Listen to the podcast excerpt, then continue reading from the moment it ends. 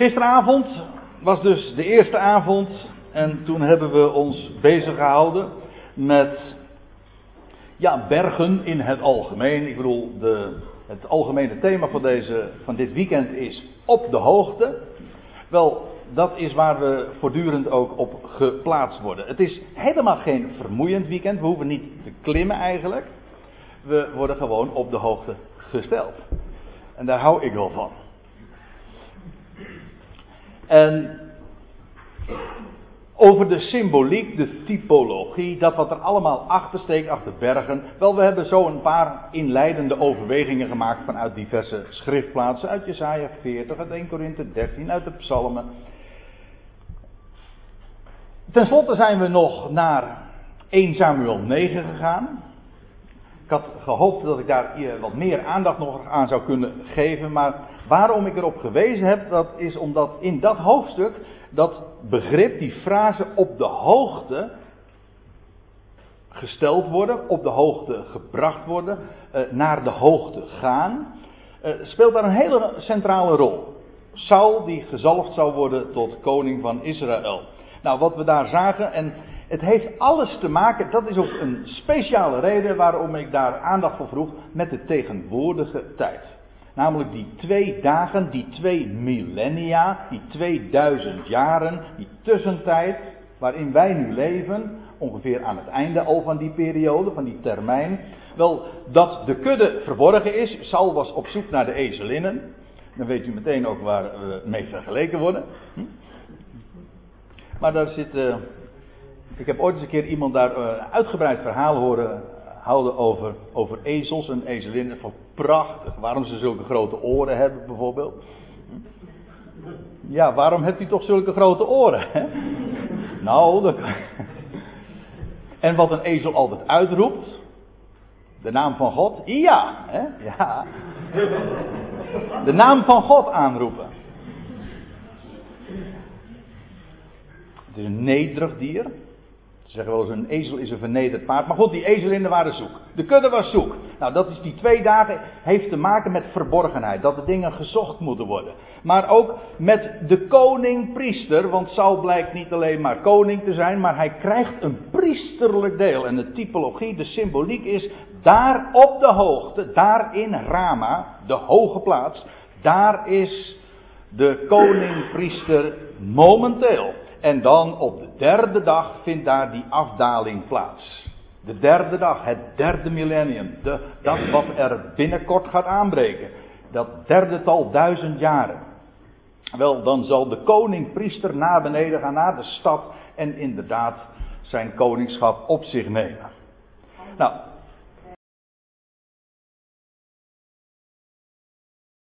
Dus die geschiedenis, dat verhaal, over Saul daar op de hoogte gedurende die twee dagen en die derde dag heeft alles te maken met de huidige periode en waar wij ook met hem op de hoogte gesteld zijn. Met hem, ik bedoel met hem van wie Saul daar een type is, namelijk de koningpriester. Wij bevinden ons daar ook in de hoogte. We zijn met Christus gesteld, gesteld, gezet in het hemelse. De allerhoogste plaats delen wij met hem. Het is een schitterende geschiedenis. En ik zei al uh, gisteren dat we ons deze dag ook, of deze dagen in het bijzonder ja, bezig gaan houden. Dat is het onderwerp nu eenmaal. Met bergen. We zien op naar de bergen, van waar onze hulp zal komen. Maar vooral veel symboliek komt daarbij om de hoek kijken. En dan zie je dat er onder de oppervlakte van de schrift zulke enorme rijkdommen verborgen liggen. En daar wil ik u als gids zo door dat Bijbels berglandschap graag op wijzen. Vanmorgen wil ik u bepalen bij de berg Sinaï. En dat wat daarmee verband houdt. Nou, dat is een uitgebreid onderwerp, kan ik u wel zeggen. En het zijn slechts een paar dingen die ik daar zo voor het voetlicht kan brengen. In de eerste plaats even dit. Ik ga het hebben over de berg Sinai. Ik had ook kunnen zeggen, ik ga het hebben over de berg Horeb. Want bij nader inzien blijkt dat dat toch hetzelfde is. Het zijn verschillende namen, het zijn twee namen voor één en dezelfde berg of eventueel gebergte. Dat is soms, dat is misschien ook wel even aardig om dat in het algemeen te zeggen. Kijk, de Bijbel gebruikt daar een, het enkelvoud voor, maar dat hoeft nog niet eens te betekenen dat het één berg is, maar het kan ook het gebergte zijn. De berg of het gebergte. Zodat daar verschillende bergtoppen ook mee bedoeld kunnen zijn. Horeb is Sinai. En het verschil zit hem vooral in het feit dat het verschillende betekenissen heeft. Horeb, en dat is wel heel symbolisch ook weer, heeft een wat negatieve connotatie. Dat wil zeggen, een negatieve uh, associaties uh, brengt dat met zich mee, want dat betekent uitgedroogd. En, en ik weet al waarom. Dat wil zeggen, ik heb, ik heb de dia's natuurlijk uh, zelf gemaakt, dus ik heb me hiermee bezig gehouden. Ja, dat.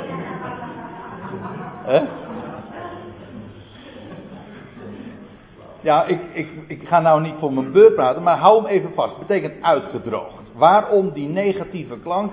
Wel, dat aan het eind van de diapresentatie weet u het ook. Uh, Sinaï, uh, dat betekent, of is afgeleid van een woord dat braamstruik betekent. En dat lijkt me ook niet zo moeilijk waarom het zo heet. Dus die, het komt er eigenlijk op neer dat die berg, of dat gebergte, zijn naam ontleent aan de geschiedenis die we juist als eerste daar ook van over vermeld vinden. Ik zal ook even het bonnetje erbij leggen waarom, ik, waarom het inderdaad zo is dat Horeb hetzelfde is als Sinaï. Ik neem u eerst even mee naar Exodus 3, vers 1. Daar lees je dit. Ik lees trouwens in het algemeen deze, deze dagen uit de MBG-vertaling. Dat is wat ik gebruikelijk ben te doen. En er is vaak genoeg op aan te merken. Dat geldt trouwens voor andere vertalingen ook. Maar als dat aan de orde is, of als ik dat op het spoor ben gekomen, dan laat ik dat niet na om dat even te vermelden. Hier staat in Exodus 3, vers 1: En eens toen hij, daar gaat het over Mozes, de kudde naar de overkant van de woestijn geleid had, kwam hij bij de berg Gods, de berg Gods, Horeb. En daar verscheen hem de engel des van, de engel van Yahweh, als een vuurvlam midden uit een braamstruik. Zie daar, die braamstruik. Maar hier wordt die berg dus genoemd de berg Gods. We zagen trouwens gisteren al in de psalmen dat er sprake is van meerdere bergen, bergen Gods. Ja. Uh, het gaat nu even om het punt dat Horeb inderdaad identiek is aan Sinaï. Hier lees je dus in Exodus 3, de Heer verschenen bij de berg Gods. Horeb. En, maar als je in Handelingen 7, in de toespraak die Stefanus heeft gehouden, uh, erop naslaat in vers 30, dan staat er, en toen er 40 jaren voorbij gegaan waren, verscheen hem in de woestijn van de berg Sinaï een engel in de vlam van een brandende braamstruik. Hier zie je dus dat de exact dezelfde geschiedenis. Hier heet het de berg Horeb en hier heet het de berg Sinaï. Waarmee dus is vastgesteld dat het inderdaad om hetzelfde gaat. Ik moet er wel bij zeggen, in de Bijbel is er dan ook nog sprake over van de woestijn Sinaï. Zodat ook het gebied daaromheen ook nog de naam daarvan heeft meegekregen. Ik kom daar straks nog eventjes op terug. Het eerste hoofdstuk waar ik u bij wil bepalen is Exodus 19. Nou ja, dat is niet helemaal waar, want ik wees u net al op Exodus 3. Maar Exodus 19 gaat heel uitgebreid over de geschiedenissen, over dat wat er voorgevallen is, daar op de berg Sinai. En dat is buitengewoon essentieel. Laten we gewoon eens door dat hoofdstuk heen bladeren en, en vers voor vers kijken. En we zullen later nog naar Galaten 4 toe gaan. Ik kan niet bij al die versen al te uitgebreid stilstaan, maar om u een, enigszins een indruk te geven van wat er aan de hand is, denk ik dat we er goed aan doen om bij vers 1 te beginnen. Je leest dit. In de derde maand, na de uittocht van de Israëlieten uit het land Egypte, op dezelfde dag, dat wil zeggen, de dag dat de nieuwe maan, of de nieuwe maand begon, toen kwamen zij in de woestijn Sinai. Hier zie je dus dat inderdaad ook het gebied eromheen uh, de naam krijgt van die braamstruik. En dus ik zeg de nieuwe maand. En dat betekent, dus uh, wat ik nu zeg is onomstreden ook. Uh, heel veel wat ik vertel dit weekend is niet echt om, onomstreden, maar dit wel. En dat is dat het namelijk zo in de periode was. 50 dagen na de uittocht. De uittocht vond plaats in de op de 15e van de eerste maand.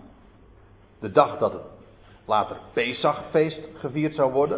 Het is daar allemaal aan ontleend. En nu zijn we inmiddels op de eerste dag van de derde maand, diezelfde dag. En dat betekent dat we inmiddels een periode van bijna 50 dagen uh, is er gepasseerd. Zodat, laat ik dat er dan ook meteen even bij zeggen, dat de wetgeving op Sinaï, dat is trouwens een bekend gegeven ook binnen het Jodendom, de wetgeving op Sinaï vond plaats tijdens Pinksteren. Het wekenfeest. Na een week van weken. Dat wil zeggen 7 maal 7 dagen na 49 dagen, oftewel de 50ste dag. Hele frappante uh, overeenkomst daarin. Trouwens ook een tegenstelling. Want u weet wat er gebeurde op de dag dat de wet gegeven werd. Toen stierven, bij de wetgeving stierven er 3000 mensen. En wat gebeurde er op de, de Pinksterdag in Handelingen 2? Toen kwamen er 3000 mensen tot geloof. Ja. Nou ja. Wet en geest. Ik zie de overeenkomst, maar ik zie net zo goed ook enorme contrasten. Dat zullen we trouwens vandaag, vanmorgen nog wel meer zien. Goed, de derde maand. Zo 50 dagen uh, bijna later, na de uittocht, kwamen ze daar in de woestijn Sinai. Nadat zij van Revidim opgebroken waren, kwamen zij in de woestijn Sinai en legerden zich in de woestijn. En Israël legerde zich daar tegenover de berg. Aha, dat is van belang, want daar hebben we het dit hele weekend over. Dan, ja, nou ga ik dus iets vertellen wat echt onomstreden is, want daar is heel veel om te doen. Want ja, waar is dat dan? De gebruikelijke locatie is die aangewezen wordt voor de berg Sinai, dat zou dan hier ergens moeten zijn. Ik ben er ooit, ik eh, realiseerde me deze week dat ik, het is precies 30 jaar geleden dat ik daar op, twee, op eerste paasdag hier eh, naar boven ben geklommen. Dat was een hele klim op de berg die altijd wordt aangewezen. Daar onderaan die berg heb je het beroemde Catharina-klooster. En, nou goed, ik ben uh, toen op eerste paasdag ben ik door naar boven geklommen en toen heb ik soms de zon daarboven dat gebergte zien opgaan. Een schitterende ervaring moet ik zeggen. En dan op eerste paasdag op de uh, het, als je dan dat licht op ziet komen, de zon ziet verrijzen, de zon ziet verrijzen en de duisternis verdwijnt. En dan op de berg waar God ooit de wet gaf. Nou, dat, zijn, eh, dat is op zich al een heel typologisch gebeuren. Maar eh, later kwam ik erachter dat daar toch wel wat aantekeningen op uh, bij te zetten zijn. En later kwam ik erachter, ik ga dat nu niet uitleggen, want dat zou echt een heel uitgebreid verhaal worden. Waarom die berg niet hier gelegen is, maar aan de andere kant van de zee. Dat wil zeggen, hier vond de doortocht dan plaats door de Rode Zee. Dat was niet een watertje hier, nee, dat was deze, daarbij het huidige Nueba. Eh, trok men dan door de Rode Zee en vervolgens kwam men in het gebied van Midian. Dat is hier. En, en dan moet hier ergens de berg Sinai gelegen hebben. En die wordt door onderzoekers dan ook aangewezen en met deze naam. Dat is een Arabische naam, dus ik doe maar geen moeite om die uit te spreken. En dat is dus in Arabië. En daar zullen we straks ook nog een hele treffende uh, bevestiging van aantreffen. Dus wat mij betreft leidt het eigenlijk geen, geen echte twijfel meer dat het inderdaad niet hier, maar hier geweest moet zijn. Goed. Dat even wat de precieze locatie van de berg Sinaï betreft. We gaan verder. Vers 3 in Exodus 19. Toen klom Mozes op tot God en de Heer riep tot hem vanaf de berg en zeide: Zo zult ge zeggen tot het huis van Jacob en meedelen aan de Israëlieten. De adressering is volkomen duidelijk. En dat is van belang, want lees nou even verder. Gij hebt gezien dat moest dus Mozes doorgeven. Je hebt gezien, een zeer zintuigelijke ervaring die ze hadden meegemaakt, indrukwekkend, wat ik de Egyptenaren heb aangedaan, dat ik u op arendsvleugelen gedragen heb en tot mij gebracht heb. Tot mij, hier, bij deze locatie. Nu dan, indien je aandachtig naar mij luistert Dat is ook precies wat gehoorzamen is. Gehoor geven aan. Dat betekent niet in de eerste plaats doen wat de ander zegt, maar horen naar. Indien gij aandachtig naar mij luistert en mijn verbond bewaart, dan zult gij uit alle volkeren. Goedemorgen, Etienne. We spreken elkaar straks nog wel. Inclusief de excuus. Indien gij aandachtig naar mij luistert en mijn verbond bewaart, dan het, mijn verbond. Wel, welk verbond? Nou, dat verbond dat God had gesloten ooit met zijn met voorvader Abraham. Dat verbond dat pure genade was. Alleen maar belofte. Indien gij uh, aandachtig naar mij luistert, mijn verbond bewaart, dan zult, dan zult gij uit alle volkeren mij ten eigendom zijn. Dat is ook een aankondiging, een profetie. Als jullie werkelijk horen wat ik te melden heb en mijn verbond, dat wil zeggen met mijn vriend Abraham, die onvoorwaardelijke belofte, als jullie dat zullen bewaren in het hart, hier zijn plaats gaat krijgen, dan zult gij uit alle volkeren mij ten eigendom zijn, want de ganse aarde behoort, behoort mij. Dat wordt ook nog eens een keer aangehaald in eh, de psalmen, maar eh, de apostel Paulus. Alles behoort hem. Ja. Ik weet het, voor velen is dat een enorme ontdekking als je, dan is het ongeveer het eindpunt van je geloof. Gisteravond hadden we nog een gesprek daarover met, met mensen. Het is ongeveer het eindpunt en het, het, hoogste wat je kan bereiken als je dan in je geloofsleven, aan het einde van je, van je leven, op je sterfbed de ontdekking hebt gedaan van ja, ik ben zijn eigendom. Want ja, dat is, die is wel zijn eigendom, die is niet zijn eigendom. Nou, het evangelie is de geweldige boodschap. Elk mens, dat is gewoon de basis, het uitgangspunt.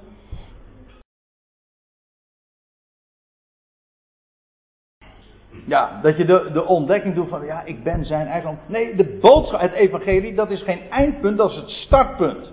Het is geen vraag, het is een uitroepteken. Alles behoort hem. A, hij is de schepper van alles. B, er is iemand die wij kennen, die zijn, zichzelf gaf tot een losprijs voor allen. Allen zijn gekocht en betaald. Zodat er een dubbele reden is. Een eten. Dus een dubbele reden waarom wij zijn eigendom zijn. Als schepper, maar bovendien ook als redder behoren we hem toe. Dat is het geweldige goede bericht. Dat is geen vraag van bent u wel zijn eigendom? Nee, dat is een aanzegging, dat is een aankondiging en dat is de basis van waaruit we leven. We behoren hem toe. Dat staat hier al. Maar uit die volkeren dat wordt tegen Israël, tegen het huis van Jacob gezegd. Dan zouden zij hem ten eigendom zijn. Speciaal, op een geheiligde, een afgezonderde wijze. En gij, zult, gij jullie, meervoud. In ieder geval het volk. Gij zult mij een koninkrijk van priesters zijn. En een heilig volk. Een geheiligd, een apart gezet volk. Dit zijn de woorden die gij, Mozes, tot de Israëlieten spreken zult. Welk volk is bestemd om een koninkrijk van priesters te zijn, te midden van alle volkeren, dus ter onderscheiding van de natieën? Gewoon even lezen wat er staat.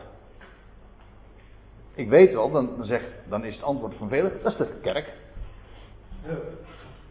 Nee, wat er staat is, dat zijn de woorden, dit zijn de woorden die gij tot de Israëlieten spreken zult. U zegt, ja maar is het niet zo dat Petrus ook in zijn brieven dit aanhaalt? En openbaring, één. Dan zeg ik ja. En dat bevestigt het juist zo geweldig. Want Petrus, die richt zich ook tot de besnijdenis. Petrus Galaten 2 vers 7, is een apostel van de besnijdenis. En als hij twee brieven schrijft, dan richt, richt hij zich tot de besnijdenis, tot de, de gelovigen in de diaspora. Die brieven gaan straks ook nog een hele bijzondere betekenis krijgen. Het boek Openbaring, dito met een sterretje. Want ook het boek Openbaring gaat over de tijd dat de Heer zich zal gaan openbaren. Dat betekent, het is de openbaring, niet van Johannes, de openbaring, staat de eerste, de eerste regel in dat hele boek. De openbaring van Jezus Christus. Hij wordt openbaar en in die tijd dat hij openbaar zal worden, dan pakt hij weer de draad op met het huis van Israël. En dan zal dat volk, de Israëlieten, gesteld worden tot een koninkrijk van priesters, te midden van alle naties. En het kanaal worden waardoor vervolgens de hele wereld aan hen, maar ik moet meer zeggen in het bijzonder aan de vorst onder hen, de koningpriester, Jezus de, Messias, de Messias uh, gesteld zal worden. De Israëlieten, het koninkrijk van priesters. Zij, het huis van Jacob, is daartoe bestemd. En wij, en ik zeg wij, wij die geloven, wij die geloof hebben ontvangen, in deze periode, wij zijn verbonden met Hem daar in de hoogte als het lichaam van de Christus. Op een nog hogere plaats. Wij, zijn, wij zijn, maken deel uit van Zijn lichaam. Van Hemzelf, van de Messias. Op het allerhoogste niveau. Verschil moet er zijn, nietwaar? Ja, maar hier, je, hier zijn we gewoon. Dat verzin je niet. Daar, op die hoogte zijn we gesteld. Vanuit de diepste diepte, terwijl we geen enkel recht hadden. Het was niet zo dat wij konden bogen op de belofte van ja, maar wij, wij hebben die belofte toch ooit gekregen. Nee, wij horen tot de natieën, tot de hondjes. En juist wij, mensen die geen enkele aanspraak konden maken, die hem ook niet zochten. Nee, maar hij heeft ons getrokken uit de diepste diepte en geplaatst op de hoogste hoogte. Puur om dit te midden van de hele wereld die zijn eigendom is, waar hij zijn bestemming ook heeft, heeft hij daarin gradaties. Dat wil zeggen mensen die hij hier stelt, mensen die hij daar stelt. De Israëlieten zijn gesteld om een koninkrijk van priesters te zijn te midden van de volkeren. En het feit dat Petrus en Johannes en Jacobus, zou ik er ook nog bij kunnen noemen, daar ook over spreken, dat bevestigt exact waar we het over hebben. Want die drie, de twaalf in het algemeen, richten zich tot Israël. De besnijders. Nou, dat wordt uh, zo daar vermeld. Laten we verder gaan. Toen kwam Mozes en ontbood de oudste van het volk, legde hun al deze woorden die de Heer hem geboden had voor. En het hele volk, moet je opletten wat er dan gebeurt. Dit is dit is niet Rama, dit is drama. Ja, daar had, voor degenen die hier, die er gisteren niet waren, hadden het even over Rama. Rama, uh, daar woonde Samuel, dat betekent hoge plaats. Maar dit is drama, wat hier gebeurt. Want wat, wat doet het volk Israël nu? Het hele volk antwoorden, eenparig, zonder dissidenten dus kennelijk. Heel het volk, eenparig zegt, en dan nog niet alleen uh, eenparig, maar bovendien ook nog heel plechtig. Het is een gelofte. Die men niet alleen maar naar, men, naar elkaar toe deed, maar naar God toe. Nou, dan moet je echt van uh, goede huizen komen hoor. Nou ja, ik zeg van goede huizen, uh, dat is niet verstandig. Want u weet het, belofte maakt schuld. Als je, als je een belofte gedaan hebt, ja, dan ben je schuldig om dat ook te realiseren. Maar hier doet het volk een belofte. Moet nagaan, ooit had God een belofte gegeven, beloften gegeven aan Abraham, onvoorwaardelijk. Dat was al 430 jaar hier voorafgaan. Onvoorwaardelijk. En het volk rustte daarin. Dat, ja, dat hadden ze gekregen. Nou, met zulke beloften op zak, dan ben je toch onaantastbaar. En dan er, kan er genoeg op een aan te merken zijn. Weet je wat zo opvallend is? In die hele woestijnreis, hè, er was hier al het een en ander al afgegaan. Maar je, er zijn al een heel aantal hoofdstukken uh, hierover beschreven. Over vanaf de uittocht tot aan. Nou, dat ze hier dan bij die berg komen. Het volk had geklaagd. Het volk had, al allerlei dingen gedaan waar, uh, waar je niet echt uh, trots op zou zijn. Maar er is geen dode gevallen. Dat gebeurde pas vanaf dit moment. Men rustte in de belofte. Wat gebeurt er?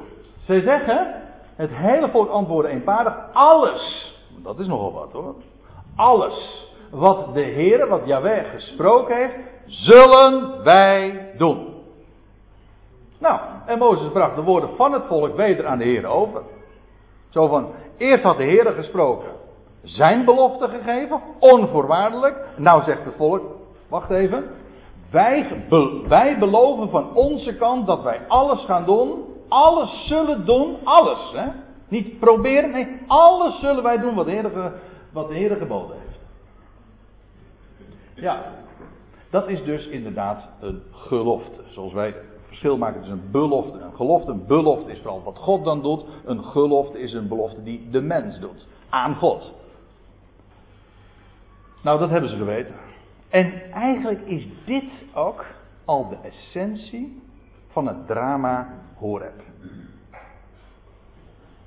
Van de wetgeving. Van het oude verbod. En als je de rest van dit hoofdstuk leest, staat ook helemaal in dat teken. Nou gaat het vervolgens afhangen van de mens. En God test dat ook uit. God demonstreert ook wat er gebeurt als een mens iets belooft aan God. En als een mens zegt van, nou nu, uh, onze activiteiten zijn bepalend en eigenlijk is dit ook precies wat godsdienst in het algemeen is. De mens wil iets doen voor God. Iets, alles. Dat belooft ze. Dat is fataal. Ik zal het u laten zien, want uh, zeggen, nou ja, eigenlijk de eerstvolgende regel, die maakt het wel duidelijk. Daarna zeide de Heer tot Mozes, zie, ik kom tot u in een donkere wolk. Dat is nog het eerste hoor. Een donkere wolk. Dat is ook bij ons spreekwoordelijk zelfs. Donkere wolken pakken zich samen. Nou, dat is wat er hier ook gebeurde. Ik, ik kom tot u in een donkere wolk. Opdat het volk kan horen wanneer ik met u spreek. En, eh, en zij ook voor altoos in u geloven. En Mozes deelde de woorden van het volk aan de Heer mede. En de Heer zei tot Mozes: Ga tot het volk, heilig hen heden en morgen. Morgen. En laten zij hun klederen wassen. Er gaat iets heel bijzonders gebeuren. Die vijftigste dag. Nou ja, de vijftigste, maar nou komen we weer op iets. En u zou haast denken van dat ik het erom doe. Maar ja, ik uh, gebruikte gisteren de beeldspraak van over bepaalde dingen. Daar struikel je over. Als je het eenmaal gezien hebt. Soms zeggen mensen van ik kan nergens in de Bijbel vinden. En dan denk ik van goh, ik kan de Bijbel niet opslaan of ik zie het juist wel.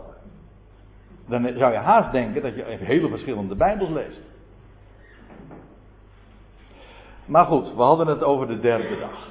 Trouwens, ik heb vanmorgen ook al even een paar dingen erover gezegd. Maar moet je kijken wat er gebeurt. Kijk, aan de ene kant is dat wat je hier ziet in Exodus 19 een contrast met wat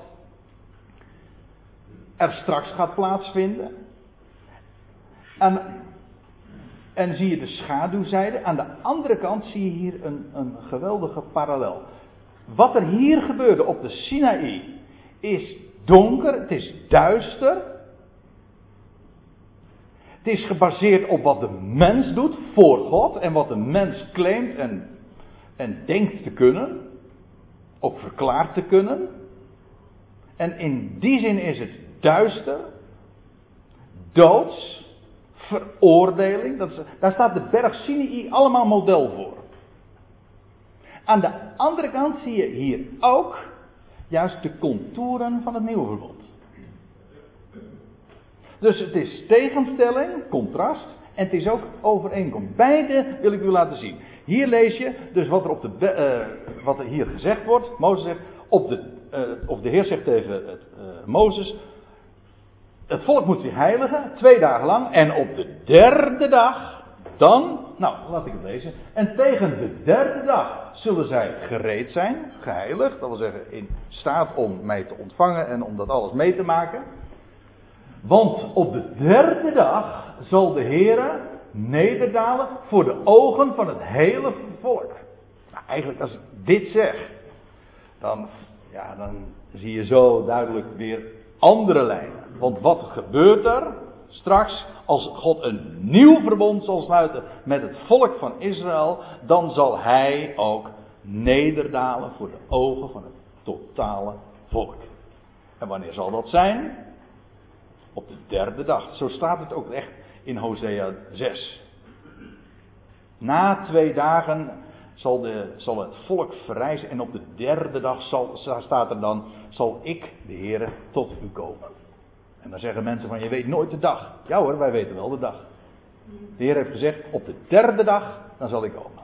Het is cryptisch, maar het mooie is, de schrift legt zichzelf uit, dus je weet wanneer je het kan verwachten. Wanneer zal de Heer komen? Wanneer zal de Heer nederdalen? Op de derde dag. Dat zie je hier dus al uitgebeeld. Maar goed, hier gaat het dus nog strikt genomen over het oude verbond. Ik zal, uh, de Heer zal nederdalen voor de ogen van het hele volk op de berg Sinaï. Vers 12. En dan zie je ook meteen de hele sfeer waarin dat oude verbond plaatsvindt. We zagen al een donkere wolk. Eerst het volk dat claimt, het dat gelofte doet. Hier uh, zie je dat nog weer uitgebreid. Daarom zult gij het volk buiten een bepaalde kring houden, op afstand dus, en zeggen: Wacht u ervoor de berg te bestijgen, of maar de voet ervan aan te raken. Raak niet, smaak niet, roer niet aan. Ja, roer niet aan. Ieder die de berg aanraakt, zal zeker ter dood gebracht worden. En ik weet niet in hoeverre u vertrouwd bent met het Oude Testament, met de wetgeving. Maar wat je ziet is precies ook wat Paulus vaststelt in 2 Korinthe 3, waarin hij het oude verbond plaatst tegenover het nieuwe verbond. Dan zegt hij in 2 Korinthe 3, vers 6, 7, 8, 9. Het is een bediening van veroordeling. Het is echt wat er gebeurde daar bij het oude verbond en alles wat daarmee samenhangt. Natuurlijk, er straalt licht vanuit. Dat is waar. Dat, ik kan u echt aanbevelen, ik, ik, heb er geen dia's nu van, maar ik kan u echt aanbevelen als u hier nog wat verder in, in door wil gaan. Lees 2 Korinthe 3, want dat is een heel centraal hoofdstuk. Daarin wordt toegelicht hoe dat nu zit tussen het oude, met dat verschil tussen het oude verbond en het nieuwe verbond. En dan staat er van, ja, het was, het was verheerlijk, want ook Mozes aangezicht straalde enzovoort. Jawel, maar in vergelijking met is het duisternis. En Paulus noemt het een bediening van veroordeling, op afstand houden ook. En een bediening van de dood. Nou, dat zie je hier ook, want al, degene die de berg zou aanraken, dat omwonden was van duisternis, wat ook al zo typerend is,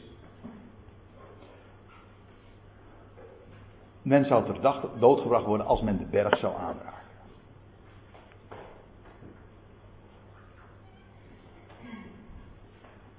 Ik lees verder, vers 13.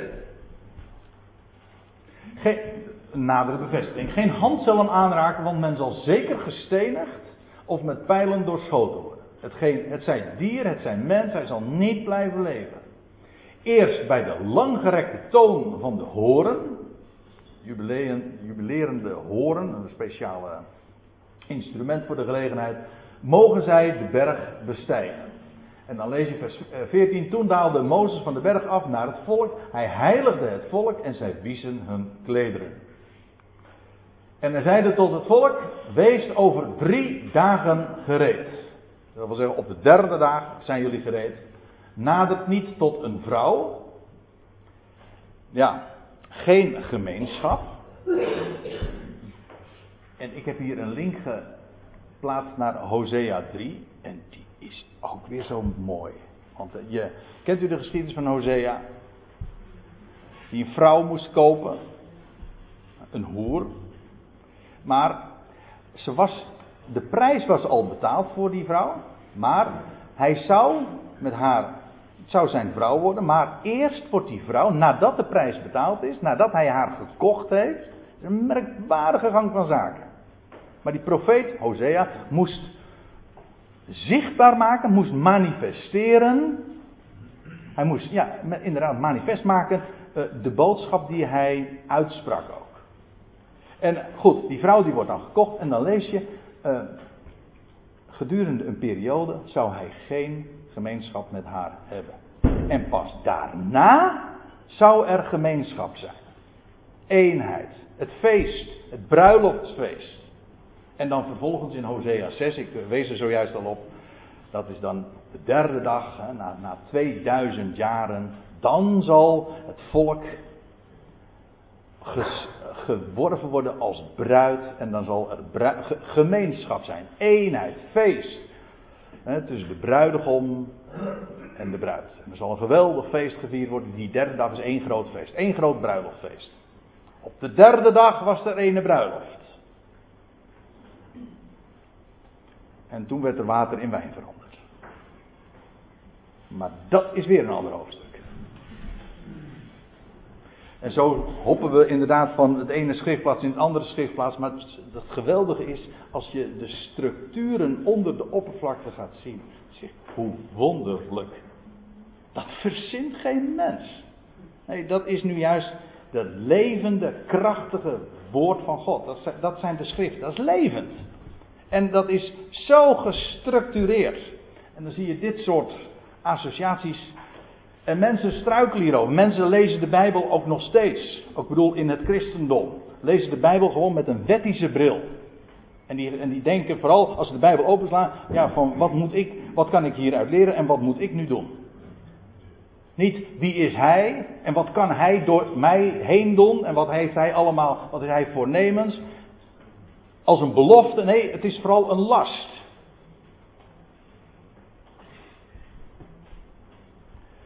Dat is heel, dat is, men, leest, men leest nog steeds de Bijbel in het licht, of in de duisternis kan ik beter zeggen, van Sinai. Men leeft nog steeds gewoon bij de berg Sinai. Altijd maar onder een last, onder een wet, in plaats van in de vrijheid. Goed. Ik lees verder. Uh, het geschiedde op de derde dag, de derde dag, morgen, nacht is voorbij, dat er donderslagen en bliksemstralen en een zware wolk op de berg waren en zeer sterk bazuingezal, zodat al het volk dat in de legerplaats was beefde. Ja, en ik heb hier meteen er even een toelichting op bijgemaakt, uh, bij geplaatst, vanuit Hebreeën 10. Namelijk, waar staat de wet, vind ik een schitterende statement. Dat was voor mij zo'n enorme eye-opener toen ik dat ook in Hebreeën 10 vers 1 las. Want daar zit zoveel in. Daar, daar zegt de schrijver dit. De wet, het oude verbond, dat heeft een schaduw van de toekomende goede dingen. Een schaduw. De wet is schaduw. Kijk, en van de, van de schaduw kun je twee dingen zeggen. Nou, je kan er veel meer van zeggen, maar dat is in ieder geval. Wat daarvoor nodig is, is licht. Hè? Degene die in het licht staat, die veroorzaakt de schaduw. Wat je ziet in de wet is duisternis. In zichzelf. Dat is namelijk wat schaduw is.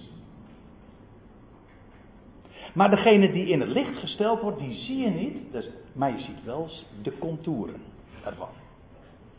En dat is nou wat één zo'n vers, maar ik heb het u al op, op, uh, in het voorgaande al diverse keren erop gelezen. In dit vers zie je beide elementen. Je ziet aan de ene kant de schaduw, hè, de zware wolk, de donderslagen, de bliksemstralen, de, de,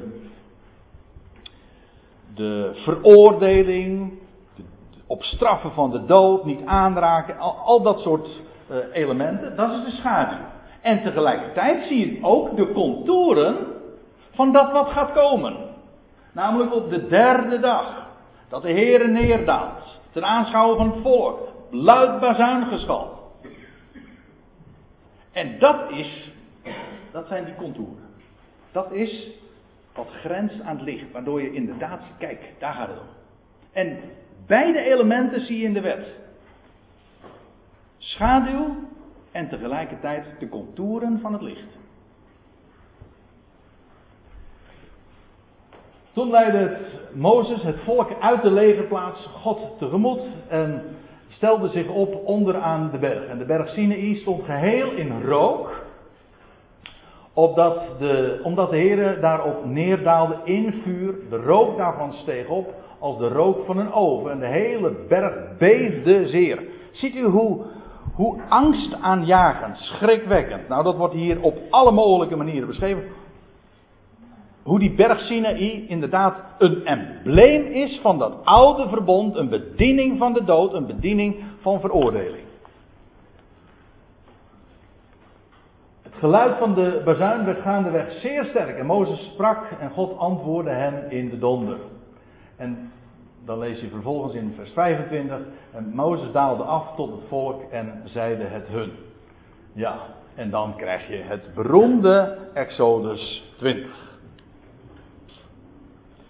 Um, wat in menig kerkgemeenschap elke zondag wordt gelezen. Hm? De tien geboden, of beter de tien woorden. Nou, daar gaan we het nu niet over hebben. Maar men stelt zich inderdaad op bij de berg Sinaï. En men realiseert zich niet dat dat woorden zijn die gericht zijn aan het huis van Israël. En bovendien in die setting dat God, dat het volk had beloofd, een gelofte had gedaan, alles wat u gesproken zullen wij doen. En, en bij de eerste de beste gelegenheid dat God die stenen tafelen gegeven heeft, wat gebeurde er mee? Ze werden gebroken. Ja. En ook dat is symbolisch. Het feit dat als God zijn wet geeft, de mens, het eerste wat er moet gebeuren is, ze breken. Ze vallen in duiven. In duizend stukjes. Er blijft niks van over. Dat is wat er gebeurt wanneer men het woord van God opvat als iets wat wij moeten doen als een last op onze schouders. Pas de tweede keer wordt het anders. Bij de tweede set uh, stenen tafelen. Goed, dit was Exodus 19. Exodus 20. Dus eigenlijk de, Exodus 19 is de inleiding tot Exodus 20. Dat is nogal uh, logisch natuurlijk. Maar het vertelt inderdaad wat de berg Sinaï voorstelt. Waar het voor staat. Veroordeling. Doodstraf. Nou gaan we naar het Nieuwe Testament toe. We gaan naar Galaten 4.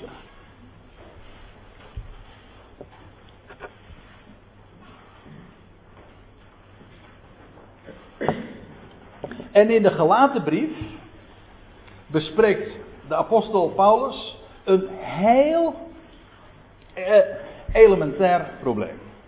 En wat de dwaling die hij in Galaten bespreekt en waar hij zich, uh, over, waar hij zich over uitlaat en wat hij in het licht stelt, ja, dat is zo essentieel. Waarom? Dat de dwaling die in Galatië speelde, namelijk dat men wet en genade wilde vermengen, men was wel tot geloof gekomen, er is wel genade, maar, nou ja.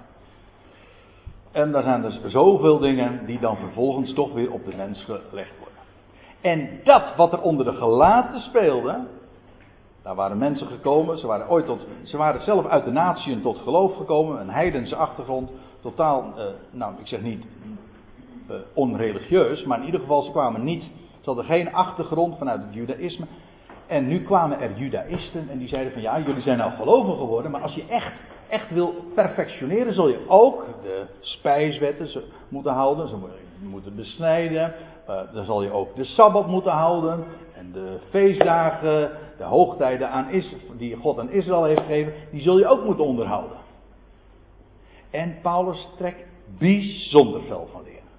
Want hier was de genade in het geding. En hij zegt zelfs, wat, hier, wat jullie vertellen, of wat er onder jullie nu verteld wordt, dat is geen evangelie. Hij spreekt er zelfs zijn anathema over uit. Galaten 1. Waarom? Omdat het evangelie van genade in het geding is. Er kan, als het gratis is en vrij, en vrij maakt, dan kan er geen water bij die wijn gedaan worden.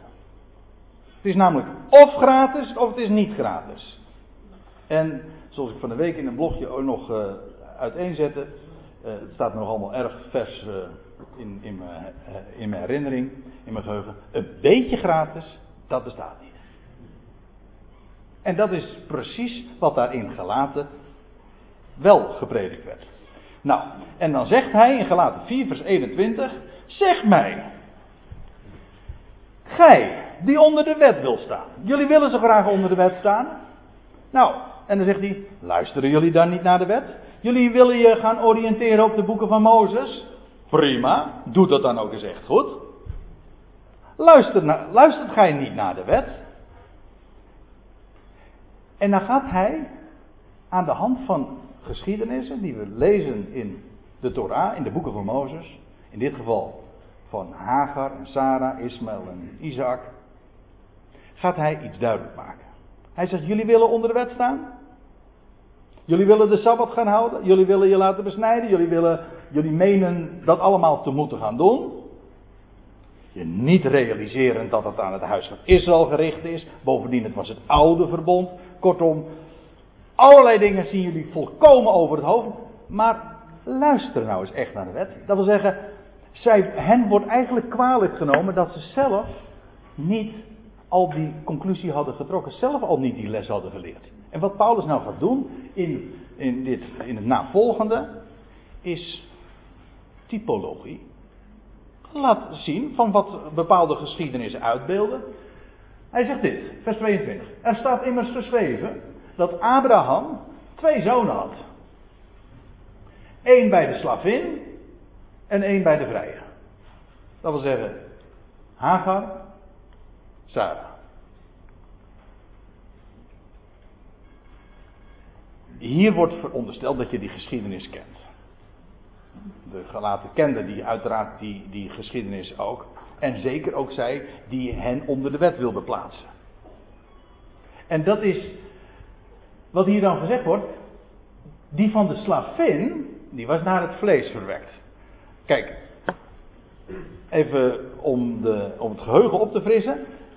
Abraham, aan hem was de belofte gedaan. Je zal nageslacht, je nageslacht zal als de, als, de, als de sterren des hemels, als het zand aan de oever van de zee zijn.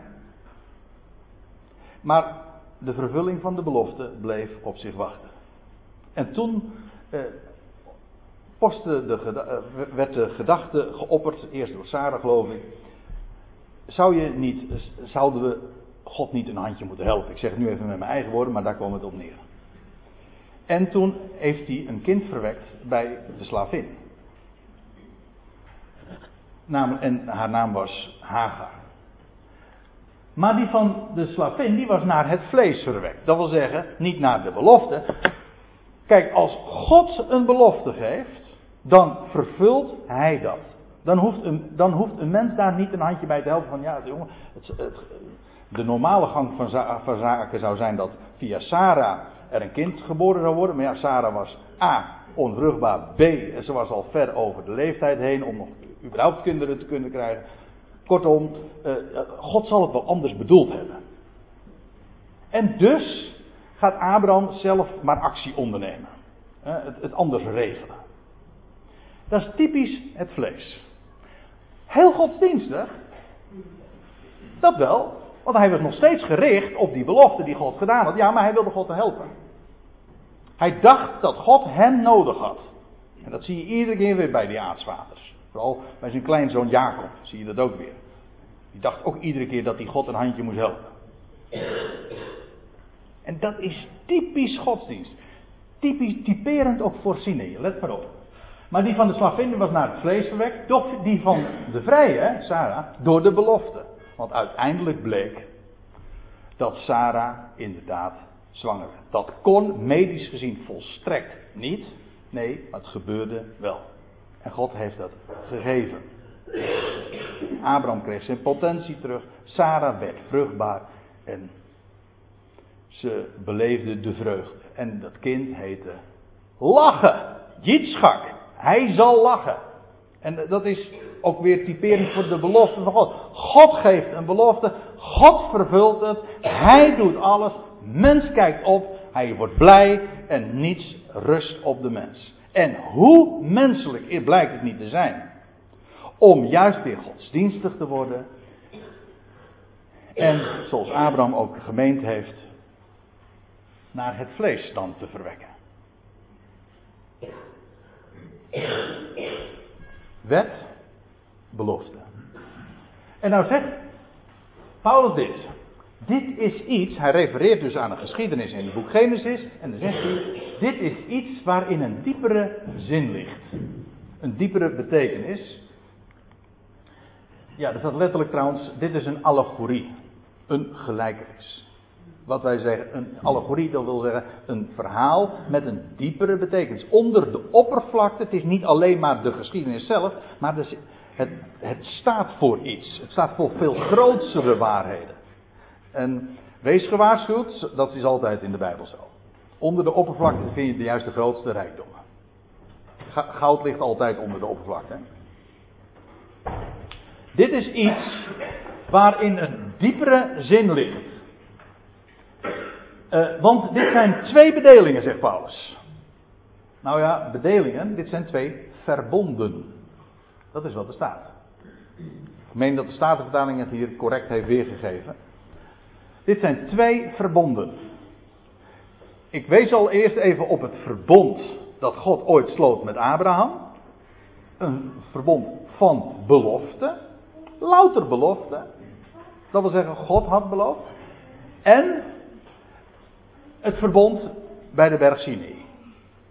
Het verbond dat in het teken staat van het volk. Het volk dat belooft. En te zullen doen. En vandaar die duisternis, die bliksemstralen en die donderslagen. En dood en dreiging. Dit zijn twee verbonden. De ene, en nou komt het. De ene van de berg Sinaï, en daar hebben we meteen in het geïnspireerde commentaar waar de berg Sinaï voor staat. Ik bedoel, waar, waar hebben we het vanmorgen over? Over de berg Sinaï. Waar staat die berg dan voor? Wel, we worden op onze wenken bediend, want de apostel Paulus legt het gewoon in één zo'n statement zo duidelijk uit.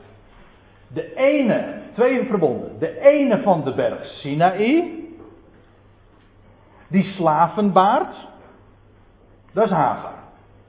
Dus,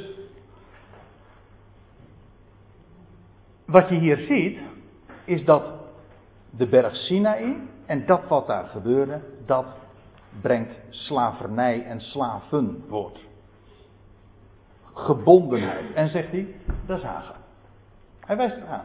En dan gaat hij nog verder, want dan zegt hij, het woord Hagar, dat is de berg, of ja, het woord, eigenlijk gewoon de Hagar.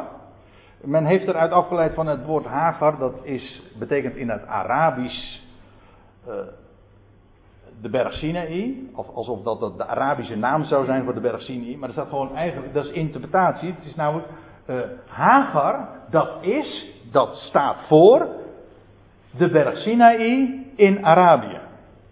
En hier hebben we dus meteen ook weer een bevestiging van waar we het eerder over hadden.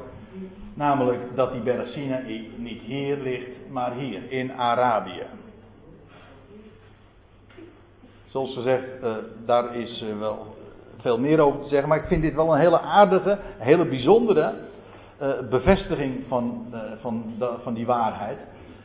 Maar het woord ha of Hagar, dat staat voor de berg Sinaï in Arabië. En dan zegt Paulus, hij legt dat nog nader uit, eh, zet het nader uiteen. Het staat op één lijn met het het tegenwoordige Jeruzalem. Want, zegt Paulus, en hij is er heel duidelijk in, dat is met zijn kinderen, dat wil zeggen met alles wat daarbij hoort, in slavernij. Jeruzalem als, als stad, als embleem van het Jodendom, van het Judaïsme, met al haar geboden en lasten. Wel, zegt Paulus, dat, en Paulus wist waar hij het over had, want hij kwam zelf uit het Jodendom. Hij had in het Jodendom verder gebracht dan vele van zijn tijdgenoten. Dit is gelaten 4, maar in gelaten 1 had hij zijn eigen verhaal al verteld. Hoe, hoe hij, zijn relatie met het Jodendom. Paulus wist waar hij het over had. Paulus zegt, dat is slavernij. Heel godsdienstig, men is maar bezig. En men denkt God welgevallig te zijn, maar het is in slavernij. Men is zelf maar bezig. naar het vlees te verwekken. Maar wat het produceert is in werkelijkheid slavernij. Maar het hemelse Jeruzalem, zegt Paulus dan. Nou, eigenlijk staat er. Het woord hemel staat helemaal niet trouwens. Het opwaartse Jeruzalem. Het, het, woord wat hier gebruikt wordt, dat is eigenlijk een voortzetsel, dat wil zeggen, het wijst omhoog. Het opwaartse Jeruzalem. Het Jeruzalem naar boven, of het Jeruzalem dat naar boven gericht is. Zij die om, hij wijst hier op, die, op het, uh, het geloof overblijfsel, zeg maar, onder Israël. Zij die de Messias hadden leren kennen.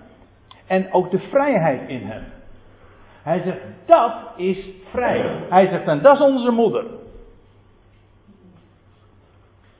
Hier in Galaten 4 gaat het niet om de vraag van wie is je vader, de vraag is wie is je moeder. Is Hagar je moeder of is Sarah je moeder? En laten we dan even verder lezen. En nou ga ik stap eventjes over uh, één vers heen en dan gaan we in vers 28 verder. En gij broeders, zijt evenals Isaac kinderen van de belofte.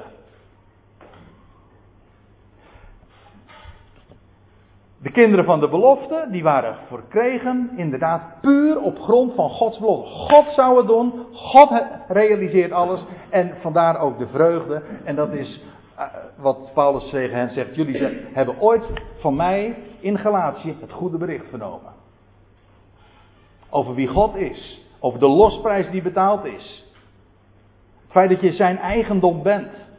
Dat je mag leven in vrijheid. Dat hij alles doet. En, hoe, en Paulus is eh, in deze hele brief, de toonzetting is bijzonder, ja, soms zelfs heel emotioneel. Hij zegt in Galaten 3 vers 1, uitzinnige, krankzinnige. Hoe zegt hij dat eigenlijk? Uh, ja, uh, we hebben het er vorig jaar nog over gehad. Ja, precies. Uitzinnige, wie heeft je betoverd? Hoe in de Engelse vertaling, who put a spell on you? Wie wat is er gebeurd met jullie? Jullie zijn geplaatst in de vrijheid. En met alle effecten van dien, want je leest het in Gelaten 3. Ze waren zo enorm blij. Ze waren, er ging zoveel van uit. En toen kwamen er, en toen kwamen er mensen die zeggen: Ja, maar zo makkelijk gaat het allemaal maar niet. En vervolgens wordt er een last op de mens gelegd. En zo gaat het altijd, mensen. Want wat er hier in Galatië speelde, denk nou niet van ja, dat is een probleem dat toen daar speelde in, in, in, daar in het huidige Turkije, in die landsteek. Wat een eigenaardig probleem toen daar eigenlijk zeg. Waarom zou daar een, eh, een brief uh, aan gewijd moeten worden en waarom zou dat moeten staan in de Bijbel? Dit is het probleem waar Paulus voortdurend op stuitte. Namelijk dat genade verruil, verruild wordt, hoe zeg je dat? Verrolen wordt.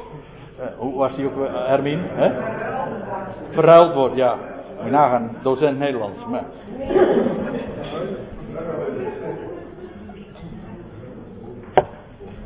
Ja. Hoe, hoe krijgt men het voor elkaar? Hoe haalt men het in het hoofd? Paulus zegt: Jullie zijn kinderen van de belofte. En hoe kunnen jullie je nu weer gaan keren tot, tot Hagar? Onder de wet gebracht worden.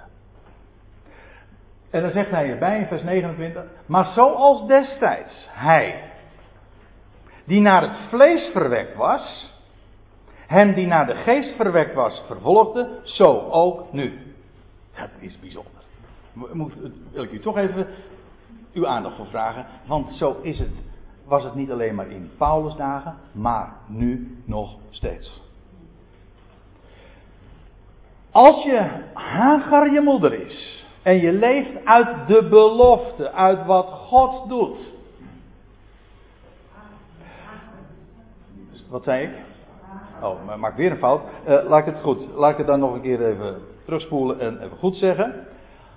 Als je een kind van Sarah bent, uit de belofte bent geboren, niet onder de wet staat, in vrijheid staat, de vreugde kent, niet schak,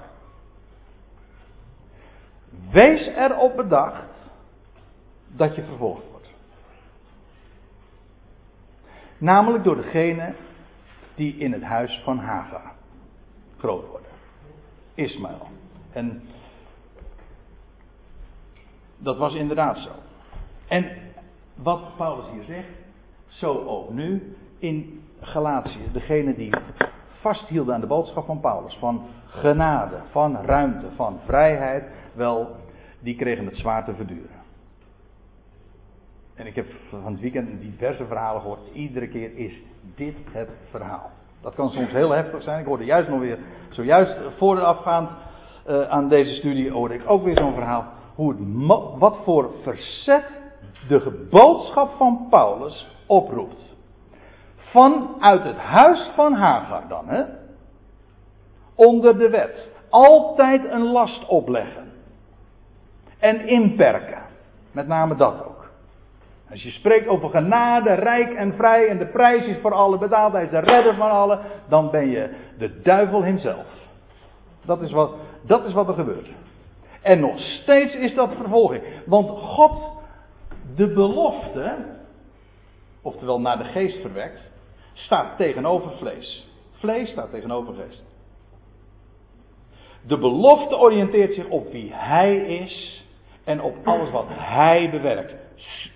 Daarin. Nou, laat ik nog even verder lezen. Er staat nog dit. Wat zegt het schriftwoord? Wat staat je nou te doen? En dan volgt er een citaat uit Genesis 21, vers 10. Het schriftwoord zegt dit. Dat wordt van Gods wegen tegen Abraham gezegd. Zend de slavin weg met haar zoon. Want de zoon van de slavin zal in geen geval erven met de zoon van de vrije. Die twee staan tegenover elkaar. Het is de een erin, dan de ander eruit. Maar niet bij elkaar. Dat past niet. Wet en genade passen niet. Never, nooit. Religie en het evangelie, het goede bericht van zijn genade, past niet. Vandaar dat Abraham dit te doen stond. Hij zendt trouwens de zoon weg, Hagar, ook met een belofte. Maar bij elkaar blijven was onmogelijk. En wat Paulus hier uit, onder, vanuit onderwijst, dat is de tegenstelling tussen wet en genade. Tussen vlees en geest. Tussen werken en dat wat hij doet. De vrucht van de geest. Trouwens, dat was het onderwerp van vorig jaar. De vrucht van de geest. Daarom zegt Paulus dan in Galaten 4 vers 31. Daarom broeders, zijn wij geen kinderen van een slavin, maar van de vrije. Wees je daarvan bewust. En dan zegt hij in het laatste, nee, ja, dat is het laatste vers waar ik nu u, nog op wil wijzen. Dat is eigenlijk een conclusie uit het hele voorgaande. Opdat wij waarlijk vrij zouden zijn tot de vrijheid, dat is wat er staat, heeft Christ, maakt Christus vrij. En waarover gaat het hier? Over vrij van de wet. Vrij van het oude verbond. God is het die in ons en door ons zijn werk doet. En wat zou een mens dan doen? Omhoog kijken. En laat je geen last opleggen. Houd dus stand. Dat wil zeggen, wees staande. God wekt uit de doden op. Hij verwekt uit de dood nieuw leven. En hij zegt, sta daarop, sta daarin, in die ruimte, op die solide grondslag, op die bergtop om zo te zeggen. En laat je niet opnieuw een juk, een slavenjuk opleggen. Sta in die vrijheid. Wees je bewust van de vervolging die je vanuit het huis van Hagar te verduren krijgt. Want die is daar automatisch aan verbonden. Want dat is allemaal, ik weet het, dus alom het verhaal. En telkens, het telkens weerkerend refrein. Als je het evangelie vertelt, is veel te makkelijk. Is veel te ruim. Is veel te mooi. Maar daarom is het ook een evangelie, mensen. En wat het uitwerkt, wat het aan vrucht produceert, dat is zo geweldig. Niet die last. Niet bij de berg Sinaï. Maar in de ruimte, in de ruimte waarin het evangelie van Paulus ons plaatst. De boodschap van vrijheid van genade. Hij doet alles. En dat betekent dus ook dat alle eer aan Hem is.